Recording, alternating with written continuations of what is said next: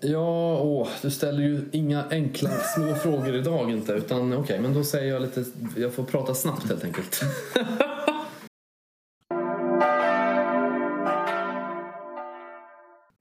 Men hur man lever den här texten. Mm, det undrar man ju. Det här kommer låta som ett väldigt deppigt tips. Så att det gäller att tolka intentionen i det här rätt. Är det att man ska dö kanske? inte riktigt. Inte riktigt.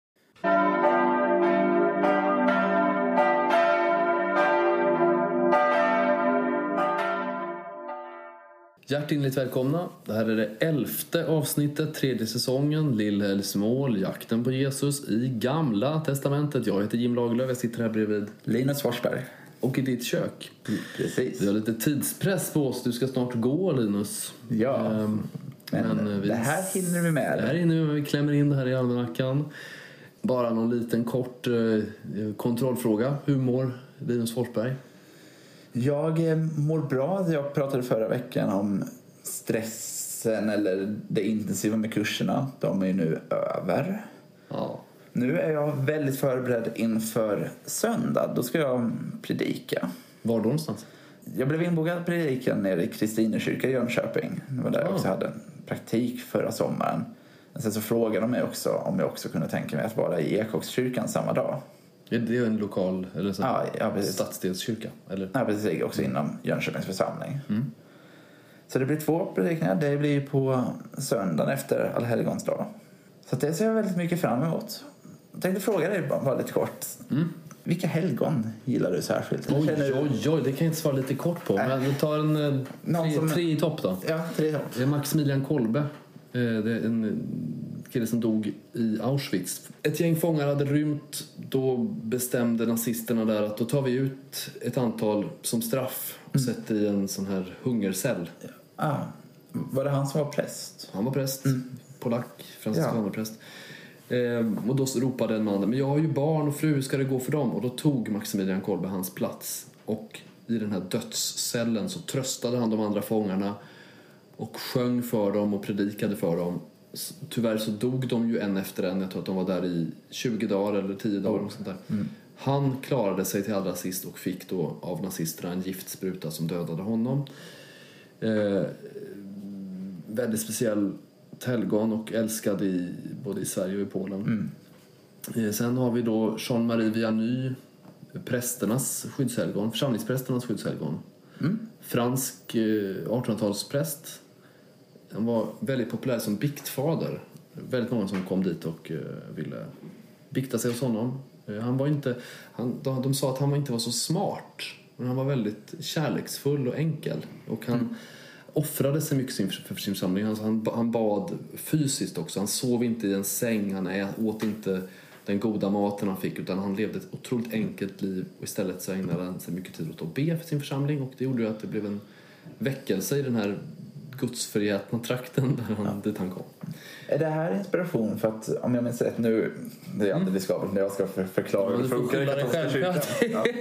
Ja. Ja. Nej, men som jag har förstått det så, prästerna i katolska kyrkan förväntas leva enkelt. Man får inte en standardlön som alltså, utan man- församlingen betalar för ens nödvändigheter. Men annars ska man leva ganska enkelt som jag har förstått det.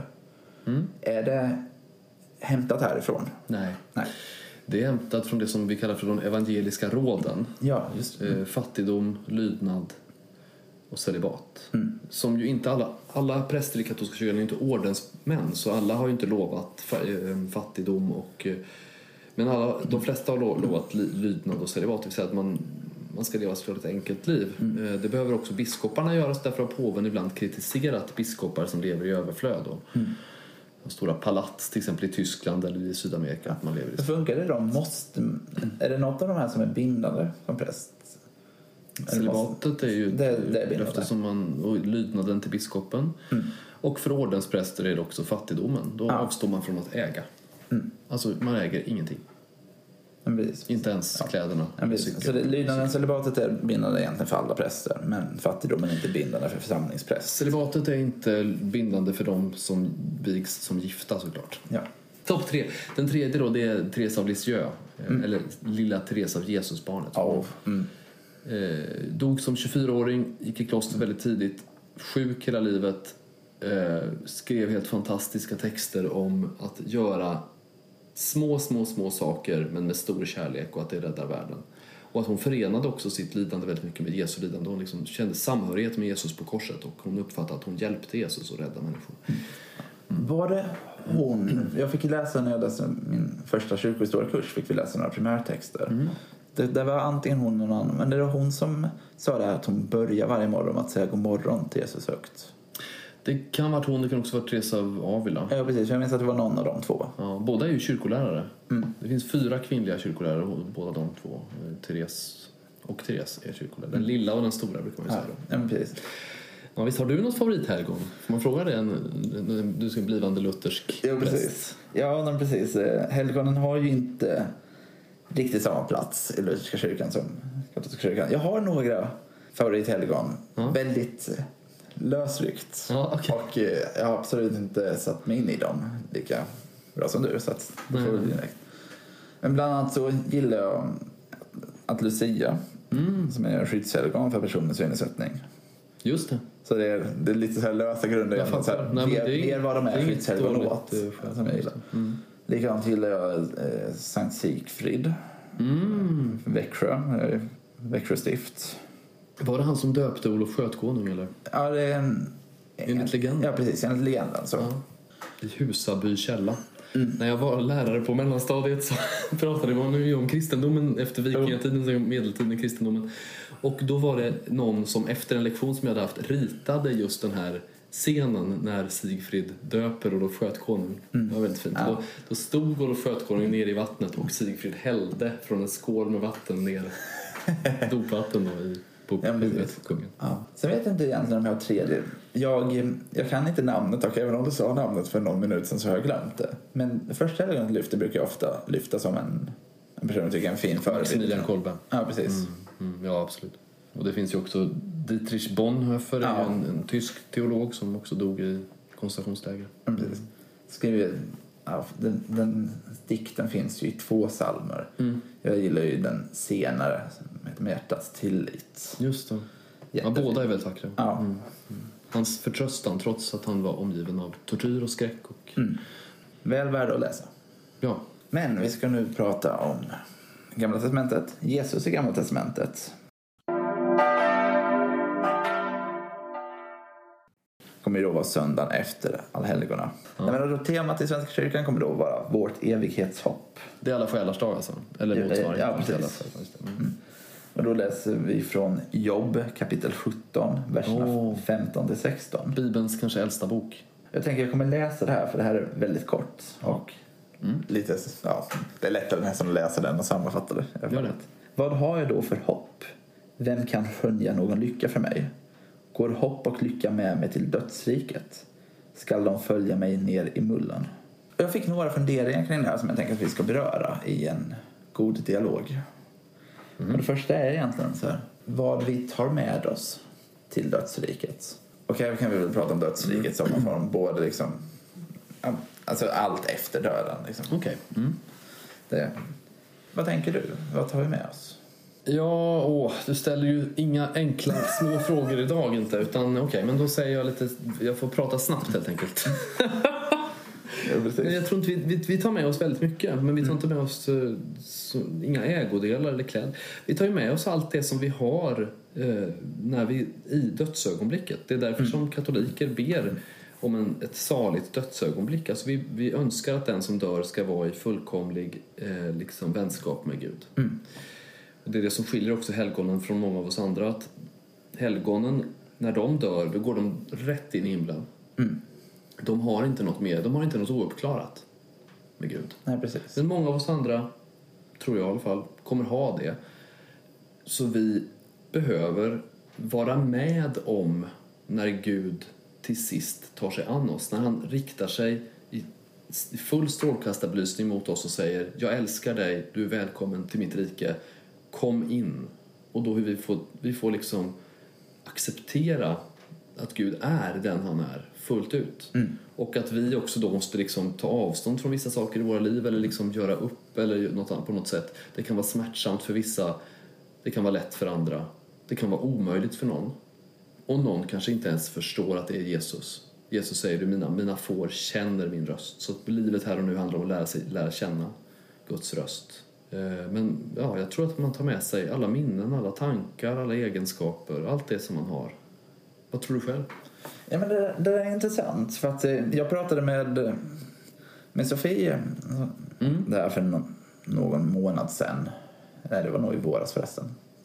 Och med risk för att jag tolkar henne fel så att Mm. Hon får skriva in till eh, podden. Ja, men precis. Ja. Så att, ta inte det jag säger att hon har sagt som hennes teologi utan Nej. mer så, så, som jag, jag uppfattade det. Att hon, eller det kan också ha varit en del av, av ett resonemang som inte nödvändigtvis behöver vara vad hon stod för. Men hon var ju, då uppfattade jag att hon var inne på det här att vi vet egentligen inte så här när vi kommer till när vi träffar Gud vad så att säga, förvandlingen bort från liksom, synden vi lever med mm. gör med oss själva. Att vi kommer kanske inte så att säga vara vi längre. Vilken bra eh, ingång i ett samtal. Mm. Det är därför jag tror att man behöver vara medveten om processen mm. när Gud tar sig an det här. Och den gör ju det redan nu vill jag bara säga. Alltså för vissa människor kan han ju göra detta redan i livet. Mm. Ja men precis. Tror ja. jag. Precis. Och för mig började det där skava lite. För att mm. jag kände mm. att mm. om jag kommer till himlen men så att säga slutar vara jag. Jag har inte mina minnen, jag har inte liksom min personlighet, jag liksom vet inte att jag var gift om jag kommer mm. vara det, vilket jag mm. hoppas när jag dör. Mm. På ett sätt blir det ju då som att jag faktiskt dör. Alltså verkligen dör helt. Att ja. Det blir inte ett evigt liv på det sättet. Och för mig börjar det skava lite. Så jag kanske får jag helt rätt. Men Nej, jag för tror, mig tog det emot. Jag lite. förstår det. Och som sagt, jag, jag vet inte om hon bara resonerade. Nej, men om, även om inte Sofie tycker så så kan jag säga att det där är en synpunkt som jag har eh, om någon säger att man dör och så finns det inget mellansteg utan antingen blir det direkt himmel eller helvete. Mm. För man, jag tror att man, Gud skulle ju i så fall kunna göra det redan nu. Mm. Den typen av frälsning där han liksom tar bort allt som är ont i dig, tar han bort nu. Mm. Eh, nej, men det, det är därför det behöver vara en process. Det är därför jag tycker att frälsningen är en process. Uppenbarelseboken säger ju det, inget orent kommer in i himlen. Därför måste Gud få rena oss, befria oss. Och det, det bör han få göra med oss medvetna. Att han inte söver ner oss och liksom opererar bort allt och sen får vi vakna. För då, precis som du säger, då kanske inte har någon relation till oss själva längre. Mm. Om det nu är så stor skillnad. Men jag, jag hoppas att eh, Nej, men det är klart man måste förhålla sig redan nu till sina dåliga sidor, veta vilka de är. Självkännedom är också en, är på trappan på vägen till himlen så mm. behöver man ägna sig åt självkännedom, självrannsakan. Nej, så där får vi då ett gott argument för självkännedom. Ja, ännu ett. Ja. jag inte som lutheran säga. Jo, visst du det. Sen så har inte jag, jag har inte skärsellära som, som lutheran, men jag, jag tycker att det ligger någonting klokt i det du säger. Sen är då frågan, är det skärselden eller sker det här? Det står ju ingenting, det finns ju ingen dogm om hur, exakt hur skärselden ter sig. Och vi har ju ett sånt tråkigt ord på svenska, skärseld, alltså reningseld. Mm. På latin heter det bara purgatorium, reningsplats. Mm. Det är kanske bättre att prata om en reningsplats än en reningseld. Det är bara det att skriften talar om en eld som mm. man ska renas i. Mm. Ja, men precis. Ja, nej, men och det andra som jag tänkte på, för det var den ena tanken. Det andra är egentligen eh, frågan som, eh, som, som ställs jobb. Mm. Går hopp och lycka med mig till dödsriket? Och delvis är det ju den frågan vi också berört nu. Men jag tänker också att när Jesus kommer, när Jesus övervinner döden på korset, mm. då förändrar Jesus delvis också den mänskliga tanken kring döden. Att vi får en annan bild av vad det är som kan hända. Mm. Alltså Jobb tänker sig kanske inte att, att, att man kan leva i dödsriket. Nej, precis. precis som saltar salmerna ofta, de antyder ju att i dödsriket där kan man inte prisa Gud. Så, så det ska vi ägna oss åt medan vi lever. Och precis samma menar väl antagligen Jobb här att eh, hopp och lycka, han, han menar det som en retorisk fråga. Ja. Det, det, får vi ägna oss åt medan vi lever. Eh, för i döden finns inte det. Medan vi som är troende kristna vi tänker oss att den verk, alltså hoppet går i uppfyllelse efter döden. Mm. Och den alltså verkliga, bestående, eviga lyckan träder fram i full blom. Att där sker, det sker verkligen ett, eh, ett skifte där. Mm. Det blir så viktigt och det, jag tror att det här skiftet att vi inte får hamna fel i det där. Och det där jag tror att det är därför bland annat Paulus ord, nu minns jag inte riktigt var det är, skriver det. Det är väl i något av de längre breven tror jag. Att så här, det bästa för mig vore att återförenas. Jag nu. Men för att ska bli frälsta så Just det. stannar jag kvar. Mm. Jag tror att det är en jätteviktig påminnelse. Att vi ska inte så kasta bort livet. Vi ska inte Nej. skita i det här för att Nej. Nej, det bästa kommer sen. Mm. Utan vi ska Nej, fortfarande det, verkligen... det kan vi inte riktigt göra heller. Alltså, för livet, det här livet är vägen. Mm. Precis som att våran kropp, alla gåvor som vi har fått vittnar redan nu om... Det ger ledtrådar om det eviga livet. Mm. Våra egenskaper... Alltså det är inte så att ja, du får en annan kropp. Det kan ju människor tänka ibland att i himlen där kommer jag höra bättre, se bättre, vara ung och stark och frisk. Det är inte det som är poängen. Din kropp som du har nu och dina egenskaper som du har nu. Visst, de ska förädlas i Guds rike och komma till sin fullkomliga blomning, absolut. Men de ska inte vara några helt andra. Nej. Det är möjligt till och med att, att jag inte kommer se så... Att det kanske inte är det att jag kommer se fullt ut i himlen. Det kanske inte är det, är det som himmelriket är. Nej. Om, Men- en och ja, om ett och ett halvt år kommer jag skriva en masteruppsats på just det temat. Så här, Vad får du hur- svaret där då? Jo. ja, precis. Ja. Ja, men just det så här, ja, men om kroppen i himlen så här. Ja, och just utifrån det här så här, men för jag, när jag ser dåligt, kommer jag börja se det inte? Ja, det är bra. Jag jobbar med den frågan. Om du ska, det är frågan är, kan du prisa Gud utan att se? Ja, det kan du. Ja, Men eh, så att säga, din själs ögon ska inte vara grumliga i himlen. nej. Kanske heller inte din kropp, så vi får väl se. Vi får väl se. Om ett och ett halvt år har vi ett facit. Nej, inte riktigt. Nej. Men hur man lever den här texten. Mm, det undrar man ju. Det här kommer låta som ett väldigt deppigt tips. Så att det gäller att tolka intentionen i det här rätt. Är det att man ska dö kanske? inte riktigt, inte riktigt. Men steget före. Ja. Ja, men någonstans förbereda sig inför att döden skulle kunna infalla ganska snart. Och då in- Allvarsamt. Jo. Och då inte som i ett liksom, katastroftänk eller att hoppas på det. Men jag brukade som, som ung och glad tonåring Ja. säga att lite så här så formulera som ett motto att så här, jag tror att meningen med livet är att jag ska, varje dag ska jag kunna dö med ett leende. Oj. Jag gillar faktiskt det. Eh, Jag tänker också på det här som vissa präster säger om, eller vissa präster, en präst som jag känner som heter Bo Brander, han sa alltid det vid pålysningarna. Han sa om Herren dröjer så firar vi högmässa här nästa vecka klockan Mm. 11. Eh, Det är ett bra perspektiv. När som helst kan Jesus återkomma. Ta inte någon annat tillfälle på dig att liksom bli en bättre människa eller att be mera eller ägna dig mer åt din familj eller vad du nu vill göra. Det är nu. Det är nu du har chans att göra det. Det kan människor som har varit med om olyckor också vittna om att livet, att, att vara levande blev mer väsentligt för dem i dödens närhet. Ja, Och jag tycker det var väldigt fint apropå eh, bi- ärkebiskopen i Svenska kyrkan, Andrea hon brukade när man det här talesättet memento mori, Ja. minns att du är dödlig, så ville hon säga me- memento vivre, minns att du är levande istället. det är väl väldigt fint. Eller man behöver inte säga istället, man kan säga både och. Ja. ja men så att det skulle jag skicka med. Att så här, men tänk tanken om jag dör imorgon. Vilken, vad skulle jag vilja hinna göra tills dess? I, i mig själv. Tack för det, den uppmuntran, uppmaningen, glada tillropet. Eh, vi, från, från dödens skugga, vi, vi går vidare i det samma tema tyvärr, ja, till eh, gamla testamentet.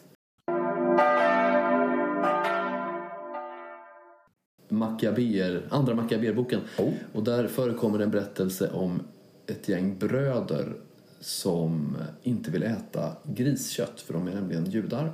Men de tvingas av en kung, en fiendekung, att eh, göra det. De vägrar och då blir de torterade på ett väldigt gruvligt, otrevligt sätt. Eh, en fruktansvärd text som beskriver den här tortyren.